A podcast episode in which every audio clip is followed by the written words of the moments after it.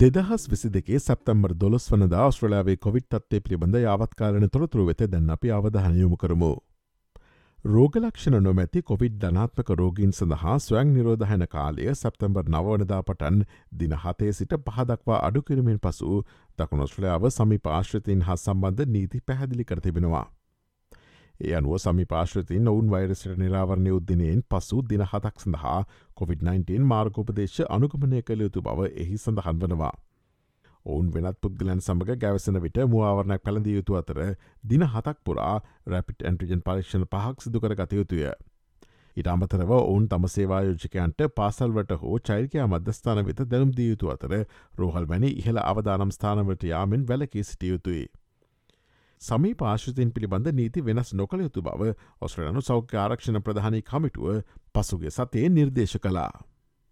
මේ අතර ලෝන් කොවිට්ටත්වය සතියකට ඩොල මිලියන සියක ආර්ථික බලපෑමක් ඇති කරන අතර එය වාර්ෂිකව ඩොල බිලියන පහදශම දෙකක් පමණ වන බව ද ඔස්ට්‍රලන් ෆනන්ශල් රවී වාර්තා කලා.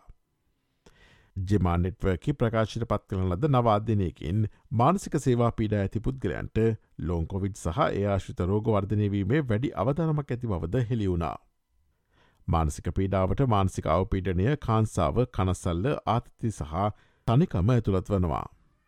මේ වසරේ රෙසිඩන්ශල් රේජ්කයා පහසුකම්වලදී ඔස්ට්‍රලනුවන් තුන්දහසකට වැඩි පිරිසක් COොVID-19 නිසා මිය කිය බව සෞඛ්‍ය පාර්තිමින්තු දත්ත පෙන්වා දෙනවා.